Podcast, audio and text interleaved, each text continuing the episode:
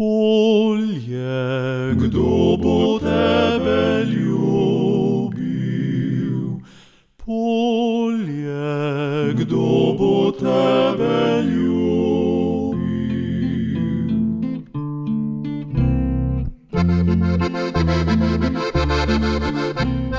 Drage poslušalke in spoštovani poslušalci, lepo pozdravljeni. Stopili smo v mesec maj. Eh, ki med drugim letos spet v tisti polni obliki prinaša prireditev dobrote slovenskih kmetij.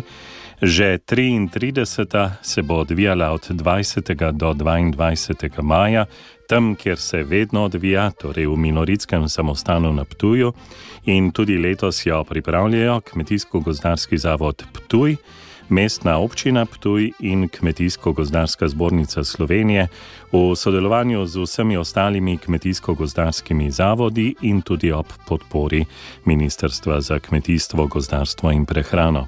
Kakšen je trenutni utrip in kaj so tiste glavne želje in cilji, ki si jih letos zastavljajo organizatori, pa nam bo povedal naš eh, prvi današnji gost, Peter Pribožič, vodja organizacijskega odbora tudi letošnjih, torej 33 dobrot slovenskih kmetij. Gospod Peter, lepo pozdravljeni. Eh, lep pozdrav iz Tuja. Ja. Dve leti vam je nagajala pandemija letos pravite, bo vse tako, kot je bilo v najboljših letih? Eh, ja, seveda od 20. do 22. maja datum smo fiksirali. Eh, vidimo, da nekih težav ne bi smelo biti, eh, tako da vse priprave tečejo. Najprej smo imeli že novembra prve ocenitve, drugi del razpisa je bil v januarju objavljen in trenutno še ta teden 5. 6. ocenjujemo mlečne izdelke, zadnje ocenjevanje pa potem 18. maja. Tako da blizu, blizu tisoč izdelkov so kmetije prijavile tudi na 33. festival dobrot slovenskih kmetij in pričakujemo kar bogato biro priznanj. Um, moram reči, da tem 21.942 dosedaj podeljenim priznanjem bomo pač dodali novo novo kvoto priznanj, kar priča o res kvaliteti slovenskih izdelkov, ki jih pridelujejo naše kmetice in kmetje po širom po Sloveniji in za mesto. Eh, zanimivo je pogledati eh, na to spremembo, da so ocenjevanja se začela že lani jeseni za nekatere dobrote. Eh, boste to ohranili tudi za naprej? Ja, cilj je bil, da ti izdelki, ki so zelo sezonske narave, predvsem eh, vložnine, marmelade, izdelki iz sadja, ki so nekako aktualni v teh eh, prvih mesecih leta, da so v prodaji, da so že ocenjeni in da že tudi nosijo znake dobrot slovenskih kmetij. Tako da eh, kmetje so to kar sprijeli in to bo zdaj stalnica, da bo v dveh delih razpis. Um, tudi moramo dati povdarek tej sezonski hrani, ki naj bo pravi čas na razpolago. Predvsem pa, da se promovirajo izdelki tako že skozi celo leto. Uh, kot smo pa zdaj v tej pa, dveh letih nekako se morali prilagoditi, smo dali tudi večji povdarek temu, da te izdelke kot slikovni material, predvsem pa tudi kot ponudbo srečamo preko internetne strani Dobrota slovenskih kmetij, kjer se tudi kon najdejo kontakti in pot do kmetij, da lahko tudi potrošnik najde te, te izdelke v svojem lokalnem okolju ali pa posod po Sloveniji.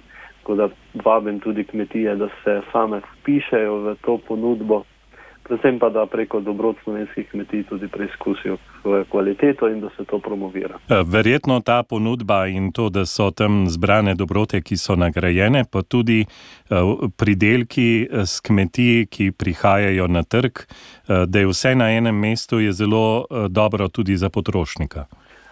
Ja, ta teden bomo ravno še posebej predstavili to platformo 4. maja za vse, ki bodo preko Zuma Tako da res eh, eh, ta portal je zaživel, eh, moram reči, da je tu kmetijsko-gozdarska zbornica skupaj z nami potem pripravila res osrednjo stran, na kateri se bo v bodoče vse promovirala, kar prihaja iz vseh kmetij Slovenije. Bo to lahko odskočna deska tudi za javne ustanove? Spet se je veliko o tem govorilo zdaj v tej vojni v Ukrajini. Ja, gotovo, tu se najde potem pot, predvsem pa moramo v te javne zavode spraviti to slovensko hrano. Vse konc koncev potrošnik in pa ta javna prehrana mora temeljiti na domačem.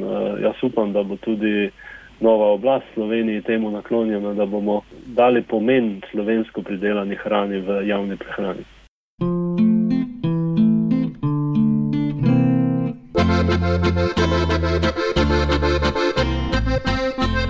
Zavedajmo se, da nas kmetijstvo vse preživlja.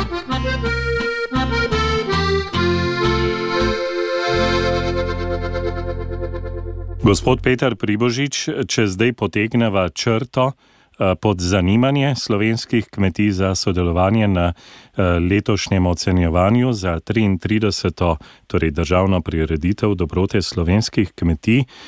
Kako to vidite, organizatorji? Se je povečala zainteresiranost kmetij zdaj po tem pandemičnem obdobju ali ostaja na približno enaki ravni, kot je bila v tistih najboljših letih pred pandemijo?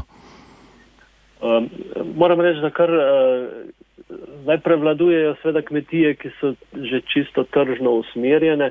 Mogoče nekaj tega ljubiteljstva seveda skozi čas, uh, uh, rekel, opešalo, ampak vse cilj je, da, da se promovirajo tudi mladi na podeželju, ki so se odločili, da ostanejo na kmetijah, naredijo končne produkte in to prodajajo. Ne? in uh, seveda, da pa preko dobrot slovenskih kmetij vršijo promocijo. In moram reči, da vseeno, uh, glede na število prijavljenih v ocenjevanje, smo lahko zelo zadovoljni, da je ta interes ohranjen in da prihaja res te nove mlade kmetije, mladi prevzemniki, ki vidijo smisel v tem in tudi si delovno mesto ustvarjajo na kmetiji. Gre za zahtevno delo, in ko si nagrajen, ko drugi prepoznajo, v vašem primeru strokovnjaki, da je izdelek odličen, je to verjetno velika podpora za naslednje korake na kmetiji. Ja, seveda, zdaj potrošnik kupuje izdelke glede na njegovo senzorično vrednost in to senzorično ocenevanje se pravi, kakšen je okus, von. Eh, potem barva, zunanji izgled, to so vse, kar čutimo, ščutili. Zdaj sama ocenitev na dobrotah slovenskih kmetij je povezana tudi z narejenim zapisnikom, ki ga dobi kmetija nazaj in vse pohvale in tudi tisto, kar je še za popraviti na tem dokumentu vidijo. Predvsem pa se potem eh, preko tega blagovne znamke dobrot slovenskih kmetij pa promovirajo in tu mislim, da je uh, veliko podporno okolje. Zdaj, če gledamo teh 33 let, marsikera kmetija je preko dobrot slovenskih kmetij danes primer zelo dobre prakse ponudbe končnih produktov. Um, moram reči, da eh, to srečujemo potem tudi na samem festivalu in pa tudi na raznih tržnicah, raznih lokalnih uh, uh, prireditvah, kjer se kmetije predstavljajo s svojimi izdelki. Tako da to, kar je tu zraslo, predelajmo in ponudimo. To je moto tudi dobrot slovenskih kmetij. Marsikatera kmetija že kje pri vhodu ima ta vaša priznanja na uh, častnem mestu razstavljena, tako da obiskovalci že na začetku uh, lahko vidijo svojega obiska, kam so prišli, s čim se ponašajo. Uh, lahko pa za naše poslušalke in poslušalce, predvsem vse tiste, ki iščejo te pristne dobrote, poveste, kako je s pravili uporabe znaka dobrot slovenskih kmetij na posameznih izdelkih. Ja, sveda, um, osnova je seveda prijeto priznanje. Zdaj, ko smo postavili tudi ta nov portal internetni, uh, smo nekako tudi pravila uh, zapisali, da se dve leti lahko uporablja eh, prijeto eh, priznanje, prijeti znak, potem pa je treba obnoviti ocenjevanje. Tako da se tudi smiselno je, ne, da imaš eh, novejša priznanja, preko katerih si prepoznan na trgu. Sveda vsem, vsem, ki pa prejemajo priznanja, pa nudimo tudi te znake dobrot, ki jih seveda na svoje izdelke namestijo, bodi si kot nalepke ali tudi kot uh, zgrajeno v samo uh, etiketo kmetije. Uh, moramo reči, da tudi ko smo delali raziskavo, je daleč najbolj prepoznana ta blagovna znamka dobrote slovenskih kmetij. Ne na zadnje, to je 33 let dela, dela generacij, ki so na eni strani kmetije, ki so za kvaliteto izdelkov se promovirale in pa organizatorji, ki smo vsako leto poskrbeli za ta dogodek.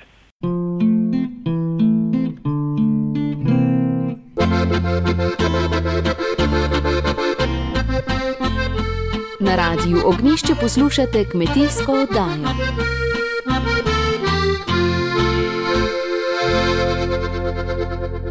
Pred nami je torej že 33. državna prireditev dobrote slovenskih kmetij.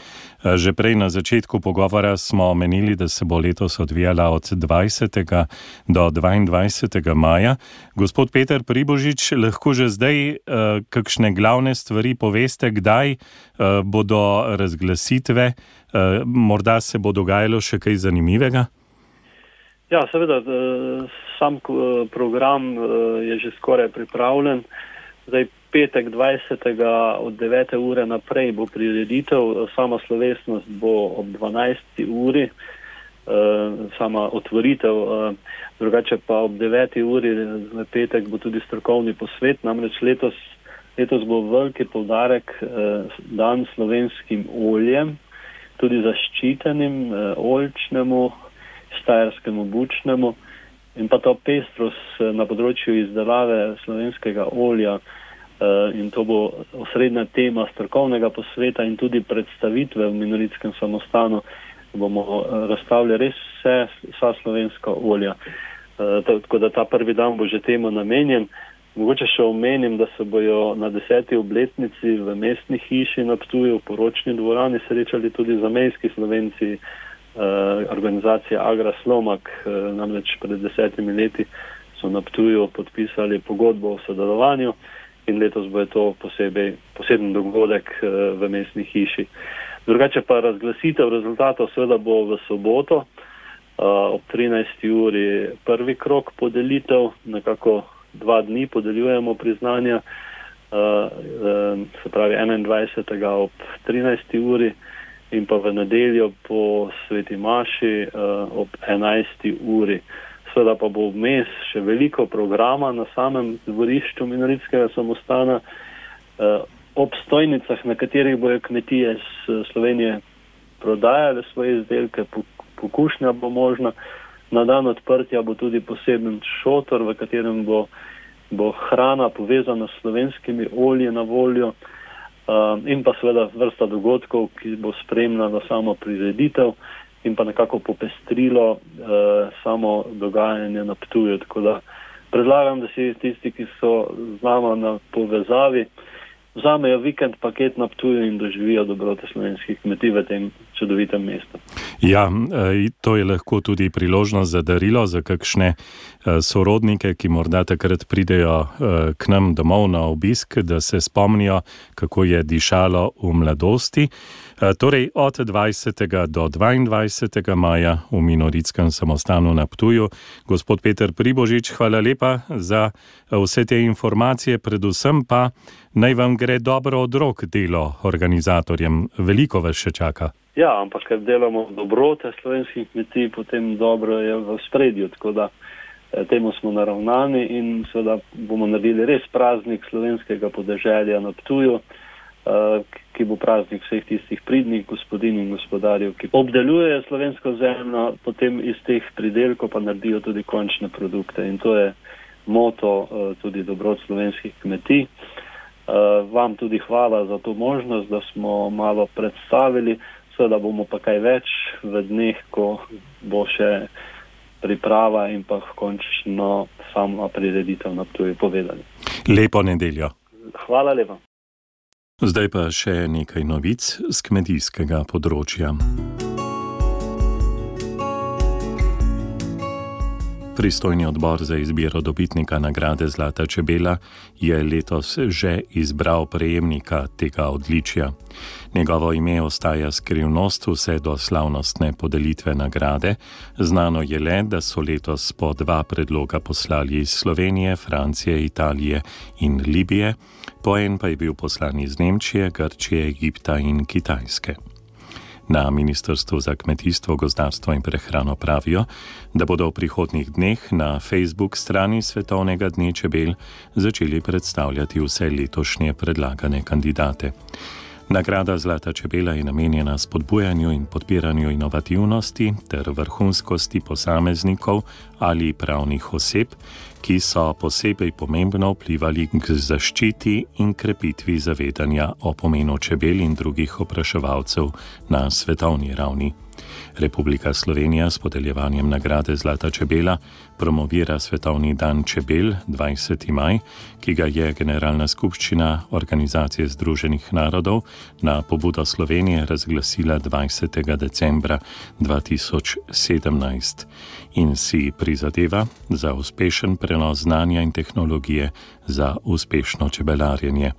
Hkrati ima nagrada tudi promocijsko vrednost, saj utrjuje in krepi ugled Slovenije kot prepoznane, zelene, zdrave, proaktivne in inovativne države. Ministrstvo za kmetijstvo, gozdarstvo in prehrano je spremembo osmega javnega razpisa za podporo kolektivnim naložbam v predelavo, trženje oziroma razvoj kmetijskih proizvodov podaljšalo rok za vložitev vloge iz 7. maja na 30. juni. Na ministrstvu pojasnjujejo, da je do spremembe prišlo zaradi izrednih razmer, ki se odvijajo na trgu gradbenih del in surovin. Prihaja namreč do zamud pri pridobivanju ustrezne gradbene oziroma tehnične dokumentacije ter ocene stroškov graden. S podaljšanjem roka za vložitev vlog na javni razpis se bo upravičencem omogočilo, da bodo pravočasno pripravili vloge, kar bo imelo za posledico tudi načrtovano porabo razpisanih sredstev.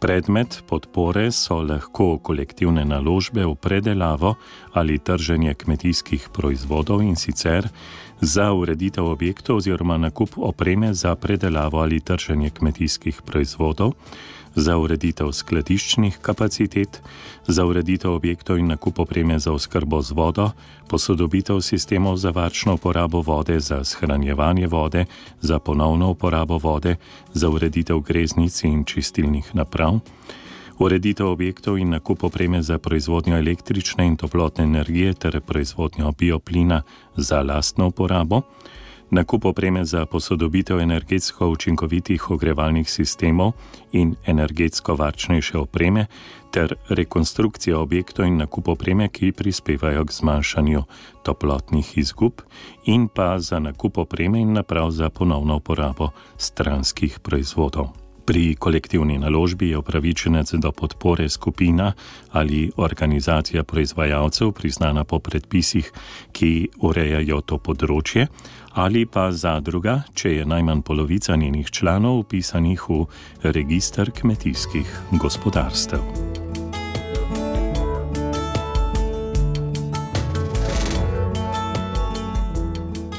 Vojna v Ukrajini še naprej botruje rasti cen.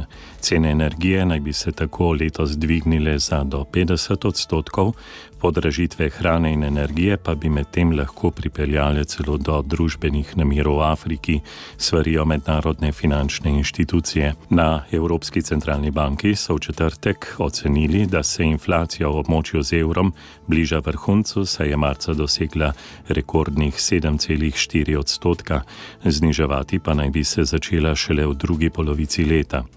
Medtem je Svetovna banka minuli torek opozorila, da so od začetka ruskega napada na Ukrajino precej poskočile cene energije, ki bi lahko ostale na zgodovinsko visoki ravni do leta 2024 in tako ogrozile gospodarsko rast.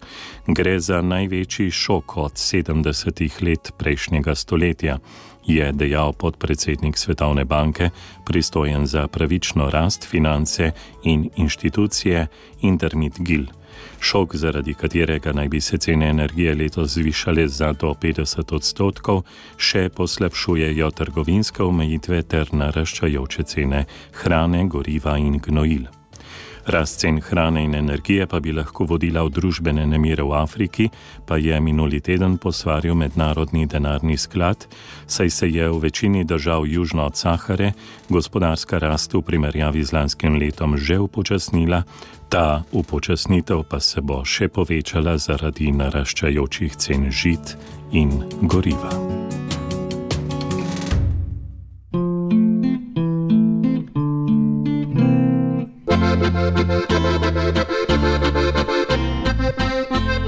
Zavedajmo se, da nas kmetijstvo vse preživlja.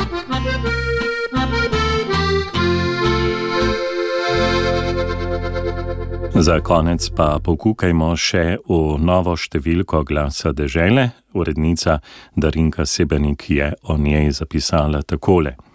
Maj je tu in z njim velika kmetijska opravila, košnja, siliranje, setev koruze, varstvo žiti in dognojevanje. Da vam polažje, smo v glasu dežele zajeli prav vsa področja kmetovanja po strokovni plati. Seveda vemo, da večino tega poznate, mogoče pa je vendarle kaj novega, saj so razmere v letošnjem kmetovanju precej drugačne, kot smo jih sicer vajeni. Tako pričakujemo, da vam bodo na sveti prihranili denar oziroma znižali stroške in pa pomagali doseči višjo ceno zaradi više kakovosti pridelkov. Darinka Sebenik opozarja tudi na članek Borzna poročila, se je bilo pred veliko nočjo dogajanje na svetovnih borzah s kmetijskimi pridelki zelo živahno, predvsem je bilo veliko nakupov pred tako imenovanim dolgim vikendom. Marsikje po svetu, kjer se že začenja setev koruze, pa imajo težave in k temu veliko prispeva suša, kar je delna napoved za prihodnja dogajanja pri ceni koruze. Tudi pri olnicah so težave, saj je na ceno vplivala stavka voznikov tovornjakov v Argentini, za krompir pa je bilo značilno, da so se cene nekoliko umirile. Tudi pri mleku je povpraševanje dokaj umirjeno, vendar pa, kot kmetje na Novi Zelandiji, še nikdar do zdaj niso imeli tako visoke cene. Tako kot povsod pa so vhodni stroški seveda visoki, tako da se učinek visokih cen nekako izniči, še ugotavljajo v glasu dežele. Strokovni mesečnik glas dežele pa vam za povrh prinaša tudi nekaj bolj lahkega branja, recimo o reji kon, kako negovati živo mejo, s katero se želimo ograditi od zonanjega sveta ali ceste in seveda do kuharskih nasvetov. Recepti so pripravljeni tako, da pravzaprav vsak lahko pripravi odlično jed. Sicer je za vrhunski izgled potreben trening, ampak na prvem mestu je okus in pa enostaven način priprave. Ker je pomlad tista, ki začenja prinašati prve večje količine domače zelenjave, si le privoščite tudi to, od solat pa špargljev do jagod. Ob koncu vam iz uredništva glasa dežele želijo lepo nedeljo in lepo vreme v prihodnih dneh, tako da boste lahko opravili vsa spomladanska dela, ki jih planirate. In tem željam se pridružujemo tudi v uredništvu naše nedeljske kmetijske oddaje. Andrej Jerman in Robert Božič, ki so bila z vami, se poslavljava in vas vabiva k poslušanju spet čez teden dni. Lepo nedeljo.